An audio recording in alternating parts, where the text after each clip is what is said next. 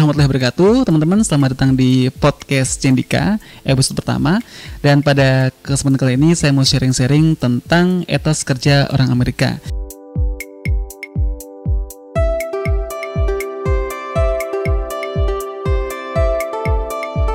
Jadi kurang lebih selama enam bulan kemarin, eh kurang lebih 9 bulan ya, saya sempat berada di Amerika bersama istri dalam rangka tugas kerja yang memberikan saya kesempatan untuk berada dan bekerja bersama orang-orang Amerika di Atlanta, Georgia. Dan setelah saya balik Indonesia, tentunya banyak sekali pengalaman yang ingin saya sampaikan pada teman-teman semuanya, utamanya tentang hal-hal yang lebih ke nggak saya nggak nyangka dan hal-hal yang mengejutkan saya pribadi nih yang setengahnya kayak agak culture shock itu dan mungkin bisa bermanfaat bagi teman-teman untuk memberikan wawasan dan juga bagi teman-teman yang mungkin nantinya ada kesempatan untuk bisa kerja uh, di luar negeri seperti saya. Dan beberapa hal yang bisa saya sampaikan, yang pertama itu tentang etos kerja orang Amerika adalah Uh, yang paling terasa teman-teman ketika kita ada di Amerika bekerja sama orang-orang bule itu yang membedakan adalah culture-nya ya. Jadi culture antara Indonesia, orang-orang timur dengan culture orang barat, orang-orang bule itu itu beda beda banget.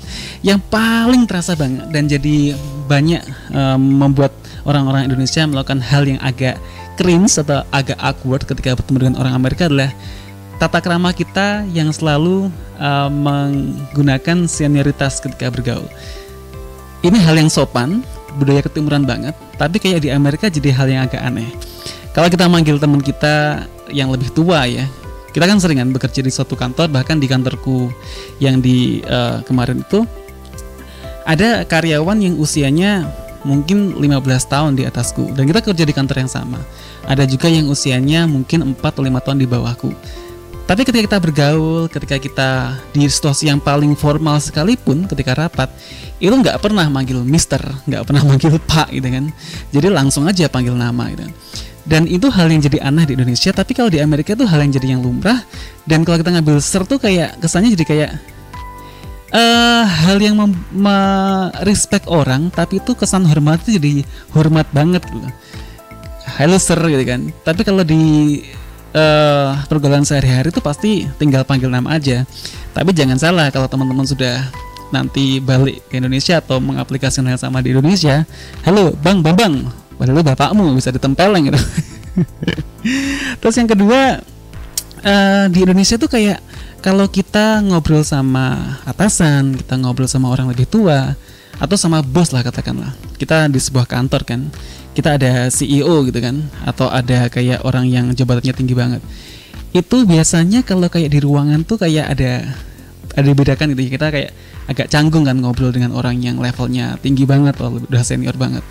Tapi kalau di sana tuh kayak orang yang levelnya junior banget sekali atau bahkan orang yang baru masuk di kantor itu kayak mau langsung bertemu dengan orang yang levelnya senior banget atau levelnya kayak di level eksekutif itu bercanda ya biasa banget. Aku soalnya nggak kaget kan kita kedatangan uh, eksekutif kan ketika kita membuat sebuah acara workshop gitu kan di kantor. Karena emang tugas kita di uh, kantor aku bekerja di Innovation Lab itu tugasnya adalah untuk uh, membuat sebuah workshop yang memfasilitate uh, orang-orang di level-level eksekutif di level kayak di cross cross uh, apa istilahnya cross functionality lah. Jadi kayak kita menggabungkan beberapa orang untuk ngobrol sekaligus dalam satu tempat untuk membuat sebuah solusi bareng-bareng yang biasanya itu uh, jarang dilakukan itu kita lakukan. Yang termasuk kita menggabungkan antara orang di level eksekutif itu dengan orang-orang yang biasanya bekerja uh, kayak di level-level yang di di front end gitu kan. Di end user gitu. Nah itu kayak ngobrol tuh kayak biasa banget. Bercanda tuh yang kayak luas banget aku pribadi masih bisa seperti itu tapi aku melihat teman-temanku yang sudah memang udah orang Amerika itu kan dan orang yang udah lama tinggal di Amerika itu cara mereka bercanda, cara mereka approach ngobrol itu sudah kayak udah kayak teman gitu meskipun itu orang-orangnya seorang eksekutif. Kalau di Indonesia tuh kayak kalau kita ngobrol dengan orang yang levelnya sudah eksekutif banget, itu biasanya kan hormat banget dan mereka ingin dihormati. Kalau di sana tuh kayak mereka tuh kalau kamu tingkahnya kayak gitu kayak mereka jadi ngerasa ngerasa aneh sendiri. Jadi kayak ngerasa aneh sendiri gitu. Itu beda, itu perbedaan utama yang saya rasakan ketika di lingkungan pergaulan nih. Jadi level senioritas kayak level uh, gimana kita merespek orang itu itu beda banget dengan yang ada di Indonesia. Yang awalnya aku ngerasa uh, ada plus minusnya sih jadi kayak mau di level pergaulan tuh jadi semacam hal yang jadi luas tapi di level yang menghormati orang gitu kan kadang itu kayak aku lihatnya kayak agak agak nggak nyaman juga sih lihatnya terus hal kedua yang saya lihat dan saya rasakan banget ketika saya bekerja di Amerika adalah motivasi kerjanya gitu kan. Um, jujur dulu ketika aku bekerja dan saya juga sempat bahas ini di podcast di uh, sesi live kemarin sama istri hal yang saya rasakan berbeda banget adalah motivasi bekerja. Saya berangkat dari seorang freelancer dan saya waktu uh, di uh, dulu saya nggak pernah merasakan pekerjaan kantoran ya kan? Saya berangkat dari seorang freelancer yang ultra produktif setiap hari dan tahunnya cuma berkarya berkarya berkarya bikin sesuatu dibayar bikin sesuatu dibayar. Ketika masuk pekerjaan dan apalagi saya dapatkan fasilitas untuk uh, tinggal di Amerika dengan segala macam fasilitasnya saya merasa ya kalau saya di Amerika saya harus melakukan sesuatu dong yang bermanfaat itu kan? Ada kontribusi nyata bagi perusahaan. Tanyakan apa yang jangan tanyakan apa yang kau dapatkan di perusahaan tapi tanyakan apa yang bisa kamu berikan di perusahaan. Waduh itu udah kayak slogan-slogannya orang-orang yang berdemonstrasi kan. Nah itu saya merasakan bahwa um, apa namanya uh, semangat saya untuk berkarya itu kadang saya nggak menjelaskan semua kantor seperti ini ya tapi etos kerja itu beda. Entah karena saya sebagai mantan seorang freelancer atau memang teman memang aku seharusnya mengikuti cara kerja mereka tapi kalau teman-teman itu uh, bekerja, itu biasanya hanya lakuin kerjaan yang sesuai dengan karir aspiration mereka. Jadi namanya target karir, perkembangan karir itu mereka penting banget. Dan mereka kalau dikasih pekerjaan yang nggak sesuai dengan karir aspiration mereka, itu mereka kadang males ngerjainnya, ya kan? Dan mereka ngelakuinnya tuh minimum aja kalau saya pribadi apa pun yang pekerjaan saya lakukan ke yang berikan ke saya, saya akan lakukan dengan maksimal. Termasuk saya akan melakukan segala macam inisiatif yang berhubungan dengan kemampuan saya, asalkan saya memiliki kemampuan yang bisa saya gunakan untuk memberikan manfaat bagi perusahaan, itu biasanya akan saya lakukan. Termasuk contohnya kemampuan fotografi, kemampuan videografi, itu di job desk saya sebenarnya nggak ada. Tapi saya lakukan di kantor. Dan anehnya ketika saya melakukan hal seperti itu, kayak saya punya inisiatif, hey guys, yuk kita bikin sesi foto bareng-bareng yuk saya akan bawa kamera. Kita akan bisa pakai itu untuk presentasi. Mereka yang biasanya cuma sekedar motret diri sendiri atau motret untuk kepentingan visa atau sekalipun mereka pakai kamera handphone udah merasa cukup. Dan mereka biasanya ketika saya tanya kapan kamu terakhir kali uh, apa namanya memiliki foto profesional? Mereka motret diri dengan kamera profesional tuh mereka terakhir lakuin beberapa tahun lalu gitu kan. Dan ketika saya ngelakuin hal itu teman kayak Oke, okay. dan saya anehnya sambutan yang mereka berikan tuh nggak se excited kayak orang-orang Indonesia gitu kan. Kalau orang Indonesia, ayo guys foto-foto, ayo ayo ayo gitu kan. Kalau orang Amerika kayak, ayo foto-foto. Hah, buat apa gitu kan? Ini untuk apa? Ini memang tugas kamu. Ini kamera siapa yang punya? Kamu punya semua ini kamu harusnya jadi fotografer aja nggak jadi desainer kan jadi banyak pertanyaan yang saya nggak expect dan sampaikan ke saya dan itu bikin saya kaget banget dan ternyata itu hal-hal yang kayak Oke, okay, gitu kan. Tapi tetap saya lakukan karena saya pengen untuk mempunyai sebuah portfolio memang dan saya lakukan. Dan jadi saya ngerasa kayak orang-orang tuh mandang saya kayak, aduh, Candika kok berlebihan banget sih bikin-bikin seperti ini. Meskipun akhirnya kepake, meskipun akhirnya mereka juga senang dengan hasilnya, cuman agak kaget aja di awal kayak ngerasa sambutannya nggak sewah dan nggak se-excited yang saya bayangkan. Dan ketika saya melakukan hal itu, untungnya saya punya manajer yang memang punya visi yang panjang dan apa segala macam kemampuan yang saya miliki itu dimanfaatkan dengan, sebagian, uh, dengan semaksimal mungkin, termasuk bikin-bikin video tentang workshop, bikin case study dan sebagainya. Akhirnya kepake juga kemampuannya. Cuman secara umum saya jadi sadar bahwa uh, teman-teman yang bekerja di Amerika, teman-teman yang bekerja di perusahaan korporat di sana, itu punya career aspiration dan mereka ketika dimintai tolong pekerjaan sesuatu mereka ngelakuinnya hanya sekedar minimum aja karena mereka mereserve waktu mereka untuk melakukan hal-hal yang itu akan mensupport perkembangan karir mereka. Sebagai contoh kalau aku pengen jadi senior uh, UX interaction designer katakanlah maka aku hanya pengen dikasih pekerjaan yang nantinya jadi portfolioku untuk ke arah sana.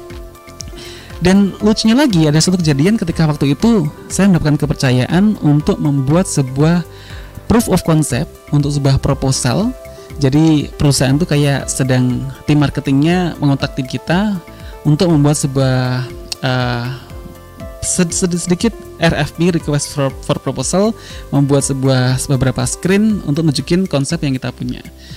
Sebagai orang yang mendesain dan saya uh, biasanya punya kapasitas untuk mendesain dengan cepat, saya ngelakuin dengan cepat dan ngelakuin dengan kuantitas yang banyak untuk menjelaskan flow yang saya maksudkan. Tapi anehnya ketika saya sampaikan ke manajer, manajer lain sih bukan manajerku secara langsung, itu dia nyampaikannya, eh, kayaknya kita nggak perlu deh bikin screen seperti ini. Kita hanya perlu bikin wireframe aja. Hah? Serius? Kita kan pengen menang gitu kan? Kalau kita membuat sebuah tender kan pasti pengen menang. Kalau pengen mengimpress mereka, pasti kita harus bikin yang bagus dong. Tapi ternyata ketika kita membuatkan tuh yang lengkap, komplit, mereka memikirnya kita nggak seharusnya bikin sebanyak ini kita timnya nggak nggak seenaknya bisa disuruh untuk bikin sebanyak ini meskipun aku ngelakuinnya dengan sukarela meskipun aku ngelakuinnya dengan suka hati dan aku senang ngelakuinnya tapi mereka nangkapnya kayak nggak perlu sebanyak ini gitu kan kita ngasihnya dikit aja karena tugas kita nggak sebanyak ini. Aku kayak really? Gitu kan. Seriously? Karena sebuah desain harus dijelaskan dengan flow yang lengkap dong. Gimana bisa kita menjelaskan sebuah flow hanya dengan dua atau tiga screen? Kan nggak mungkin. Tapi mereka nggak peduli. Ya nggak peduli. Tugas kita hanya itu aja. Kita nggak usah ngasih lebih.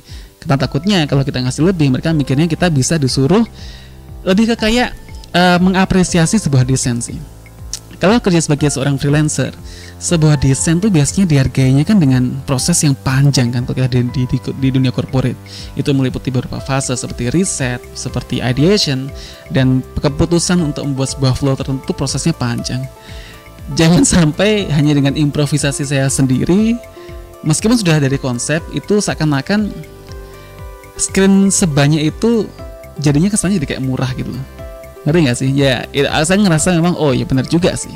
Tapi pada akhirnya saya ngerasa kayak ya udah berarti emang nggak perlu ngelakuin seperti itu. Dan yang berikutnya lagi kayak tim desain kita di Amerika itu memang punya tempat khusus. Jadi kita kayak bekerja di sebuah gedung. Kita menyewa sebuah kantor. Meskipun kita punya kantor di kantor corporate yang jaraknya sekitar setengah kilometer tapi kita punya kantor khusus yang jaraknya itu sekitar ya oh, setengah kilo dari kantor.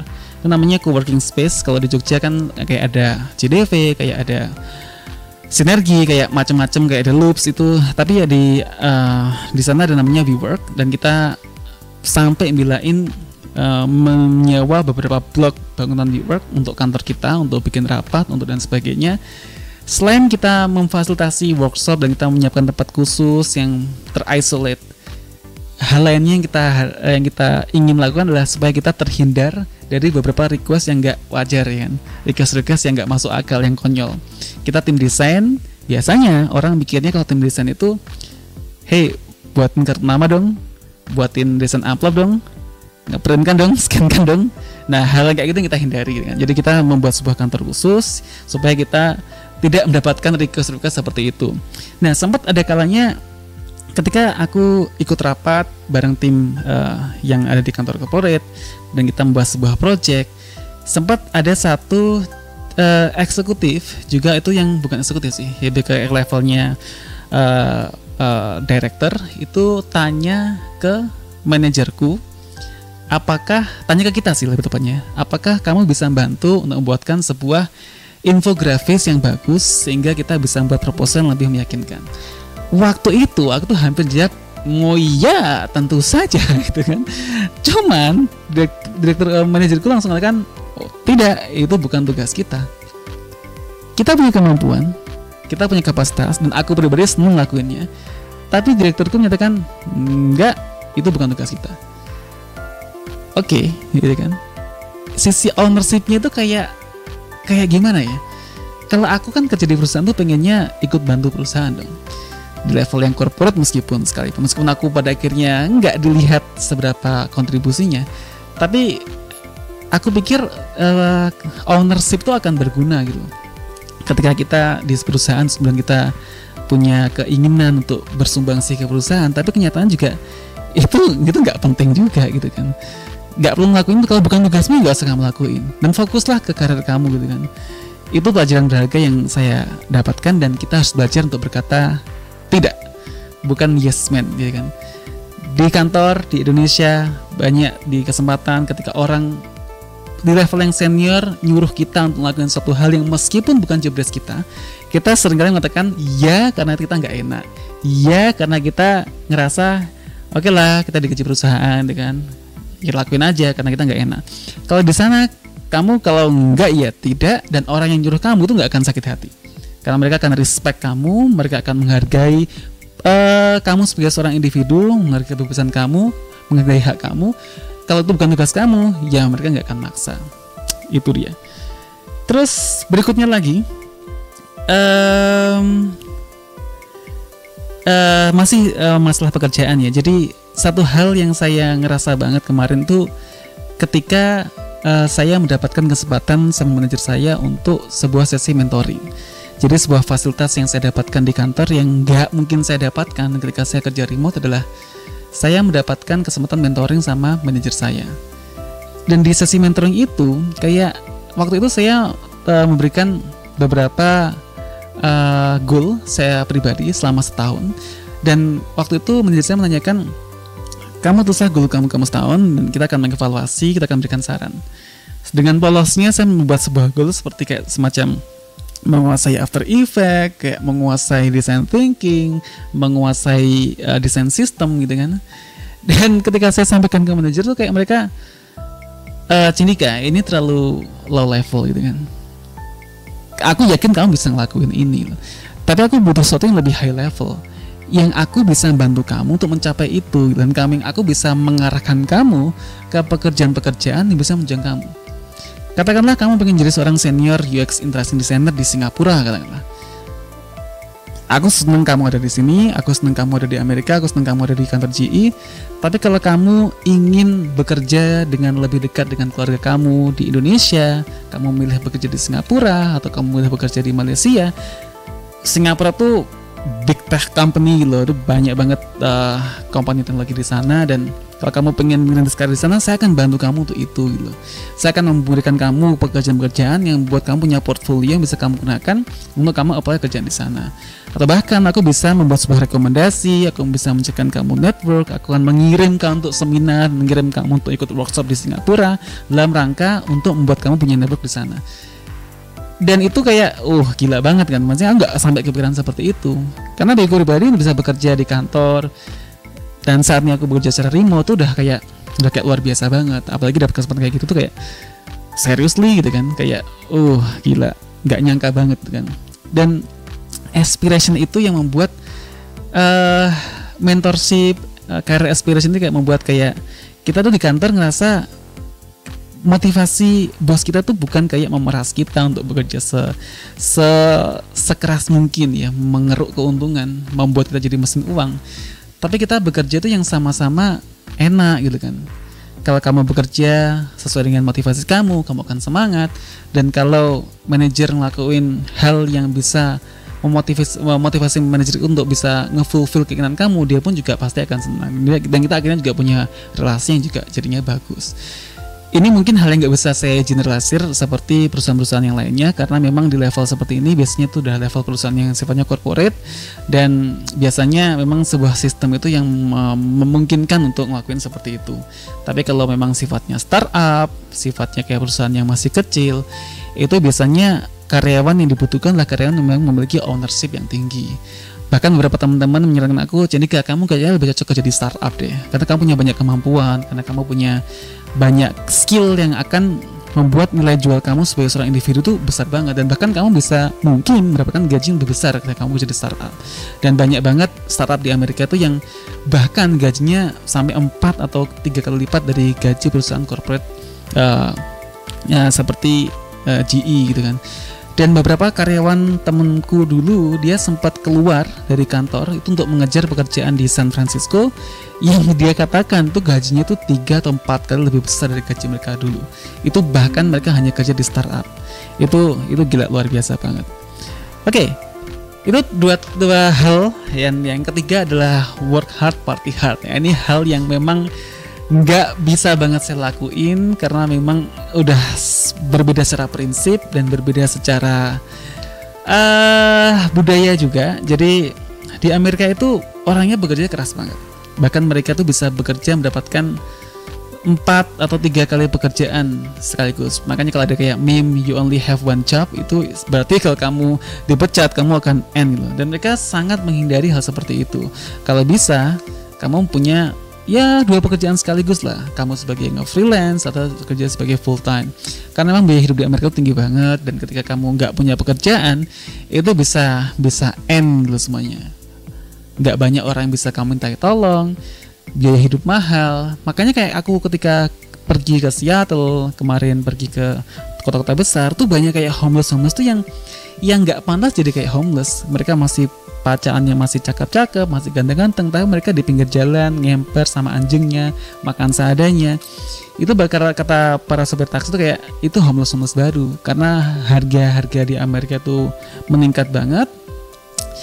Uh, apalagi di tempat-tempat kayak Seattle dan kayak di California itu akhirnya mereka terpaksa harus jadi homeless karena mereka nggak mampu bayar sewa dan mereka nggak punya persiapan untuk menabung karena mereka suka work hard dan suka party hard kan budaya party di Amerika itu memang kayak gila banget ya. Kayak setiap hari itu namanya beer itu pasti ada di kantor.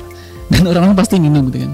Bahkan ketika kita punya ide untuk bikin kantor baru dengan beberapa fasilitasnya kita merencanakan itu manajerku sempat ngomong bahwa ayo kita bikin beer corner ya di di pojok gitu kan. Gimana bikin musola aja gitu kan jangan kan beer corner. Dan ternyata budaya beer itu udah kayak pergaulan banget mereka setiap beberapa minggu sekali ada kayak beer free flow party gitu kan. Itu sebagai bentuk ekspresi mereka bahwa mereka menselebrate uh, kerjaan mereka yang sudah selesai mereka sebagai budaya untuk mereka lebih akrab lagi. Karena kalau orang-orang mabuk itu katakanlah mereka bisa biasanya lebih akrab. Aku sendiri nggak ngerti nggak pernah mencoba untuk ikut-ikut gabung. Dan lihat mereka kayak gitu aja kayak udah uh nggak deh. Bukan bukan gue banget gitu kan. Mending minum teh gitu kan di rumah sama istri. Nah um, yang berikutnya work hard party hardnya itu termasuk dalam sesi weekend ya. Jadi di Amerika tuh orang tuh menghargai banget namanya hak. Jadi kayak libur hak cuti itu itu gila banget. Jadi kayak uh, sebagai katakanlah kalau teman-teman punya kesempatan untuk libur. Kalau kamu di weekend gitu kan ya. Kamu weekend dan kamu punya banyak pekerjaan itu ya udah weekend kamu nggak bisa kamu gugat-gugat. Nggak ada ceritanya kayak manajer maksa kamu untuk kerja di weekend. Atau manajer bisa membatalkan cuti kamu. Seringkali kayak di kantor tuh ketika kita punya pekerjaan dengan deadline yang mepet yang workloadnya itu gede banget tiba-tiba di tengah-tengah pekerjaan tuh namanya satu orang tuh izin cuti gitu. itu kayak aku pengen terasnya kayak nyempot ah serius nih kamu cuti tengah-tengah seperti ini kan? Tapi tuh kayak teman-teman ya ngerasa itu lebih kayak kondisi yang kita alami gitu. Maksudnya kayak oke okay, si A cuti berarti ya kerja kita harus lebih keras gitu kan. Gak yang nyalain gak kayak ngerasa nih gak kayak nyalahin gak kayak yang apa apa namanya ngata-ngatain gimana sih mau cuti? Gila aja lu bro. Kan nggak kayak gitu. Ya udah itu hak dia gitu. cuti itu sebuah hak dan kalau kamu cuti di tengah-tengah pekerjaan ya itu sialnya orang yang ditinggalkan gitu kan. Bukan bukan kita harus nyumpahin orang yang cuti gitu kan. Nah libur cuti itu hak banget dan pada akhirnya uh, itu jadi hal yang yang menunjukkan bahwa kita meskipun kerja keras ketika kita punya hak untuk party ya udah itu sebuah hak kamu gak bisa diganggu gugat lagi. Terus berikutnya beberapa yang terakhir adalah uh, independence dan individual ya. Jadi di kantorku itu itu setiap orang punya uh, kinerja yang bisa diandalkan secara sebagai seorang individu. Jadi kalau kamu bekerja sebagai seorang individu itu ya kamu pada akhirnya nggak perlu bantuan siapa-siapa. Kamu harus belajar sendiri, kamu harus just semuanya tergantung kamu gitu. Jadi eh, ngelit sendiri, nyelesain tugas sendiri. Jadi beda banget kayak di Indonesia yang sukanya tuh kerja geludukan gitu kan. Kayak kamu, ayo kita bareng-bareng ya. Mereka enggak, mereka lebih kayak bisa pilot sendiri-sendiri, mereka bisa kayak kerja sendiri-sendiri dan mereka reportnya sendiri-sendiri ketika mereka butuh bantuan ya tinggal menyampaikan bantuan aja menyampaikan kalau butuh bantuan aja tapi nggak yang kayak semua harus serba bareng-bareng gitu dia adalah emas itu nggak berlagu di Amerika jadi kamu talk more gitu kan. Kalau kamu nggak ngomong gitu kan. Aku tuh beberapa kali jujur ya memang kalau kita sebagai orang Asia enggak sih. Lebih tepatnya sebagai orang yang uh, English is a second language itu memang uh, jujur susah banget kamu ada di lingkungan yang native gitu kan. Dan saya pribadi jujur setiap hari tuh merasa capek banget dengerin mereka ngomong gitu kan. Berusaha mencerna berusaha memahami kayak berusaha paham banget apa sih yang mereka omongin tuh kayaknya susah banget dan tuh mikir banget. Gak bisa multitasking ngedengerin mereka ngomong sebenarnya. Jadi kalau mereka ngomong ya aku akan diam aku mendengarkan. Oke maksudnya ini berapa masih miss mereka nggak paham tapi idenya nangkep. Dan sebaliknya kalau kita di sebuah lingkungan kerja kita tuh harus sering berpendapat gitu kan mereka lebih appreciate yang namanya meeting, kayak namanya vokal, berpendapat, dan namanya rapat tuh mesti rame banget, mesti lama banget. Aku lebih nggak suka, aku lebih suka banyak kerjanya daripada banyak ngomongnya, tapi namanya berpendapat di sana, argumen, kayak memberikan uh, ide, kayak menjadi vokal, itu benar-benar dijunjung tinggi. Dan ketika kamu bisa banyak berpendapat, berarti kamu memang layak untuk dihargai. Dan masalahnya adalah stereotip orang dengan English sebagai second language itu biasanya kontradik dengan keinginan kita untuk berpendapat. Katakanlah kalau kayak kita pengen nyampaikan banyak pendapat. Tapi it turn out kita ngomongnya nggak lancar kan. Ada semacam stereotip bahwa orang yang ngomongnya Inggrisnya nggak bagus itu nggak layak buat dengerin. Tapi untungnya di kantorku itu banyak orang-orang yang dari negara lain, dari India, dari Iran, dari Cina. Ya jadinya punya banyak teman juga. Jadi culture untuk mendengarkan itu memang udah terpupuk sejak kita membuat tim baru yang global kan. Tapi di beberapa daerah, beberapa kita kesempatan kayak kita lagi oh, di mana ngobrol di lingkungan, di uh, masyarakat uh, apa namanya? kayak di luar tuh kadang orang mandang kita akan berbeda ketika mereka tahu bahwa Inggris kita nggak begitu bagus. Berikutnya uh, dua terakhir itu pendidikannya sangat dihargai. Jadi di Amerika itu pendidikan itu sangat dihargai. Bahkan manajerku itu sampai ngambil 4 atau 5 master degree sekaligus. Dan aku jadi ngerasa kayak hmm, apa kok aku dulu ke S2 gitu kan. Ternyata penting banget. Walaupun aku sebenarnya kayak, kayak mau ngomong sih kayak pendidikan itu gak penting gitu kan. Yang penting sekarang skill bisa kerja. Tapi kalau kamu levelnya pengen corporate kamu levelnya pengen memang uh, jadi karir uh, man atau karir woman itu pendidikan tuh penting banget. Dan itu dihargai banget di Amerika kamu hanya akan bisa mendapatkan kerjaan ketika kamu mempunyai pekerjaan eh mempunyai pendidikan yang relevan dengan pekerjaan yang kamu lakukan. Nggak bisa kamu nggak punya pendidikan akhirnya lamar kerja keterima itu it's no no way. Jadi kamu memang harus punya pendidikan yang relevan dan kamu punya uang untuk pendidikan itu karena pendidikan di Amerika mahal banget. Dan saking uh, mahalnya gitu kan itu akan mendeterminasi kamu juga untuk pekerjaan berikutnya. Jadi kayak semacam investasi gitu sih dan berikutnya gaji di Amerika itu tuh dipotong sampai 30-40 persen gitu kan. Gila banget gitu kan. Di Indonesia kita bisa bersyukur banget gaji potongannya nggak begitu besar orang-orang yang kerja online tuh nggak kena pajak juga gitu kan. Ini sekedar anu juga uh, apa namanya kenyataan juga bahwa di Amerika itu semuanya dipajakin dan pajaknya itu gede banget. Dan makanya kalau meskipun kamu ngomong kamu gajimu segitu gitu kan dan kayak kayak aku punya banyak kamera ya di Amerika. Aku bawa lensa dan sebagainya ke kantor. Mereka kayak teman-teman heran kamu uang dari mana? Punya kayak gini nih gitu kan. Uang dari pajak gitu aku kan nggak bayar pajak sebesar kamu gitu kan. Tapi memang kejadian seperti itu. Untuk biaya hidup sewa apartemen yang tiap bulannya itu sampai 2000 dolar itu mereka habis buat hidup habis buat makan habis buat pajak ya kan belum lagi hal lain nggak seperti party-party tadi. Jadi mereka itu sebenarnya nabung tuh kalau kamu nggak punya banyak pekerjaan lainnya itu mungkin akan susah kalau kamu punya lifestyle yang yang banyak partinya dan kamu punya banyak keinginan beli ini itu ini itu.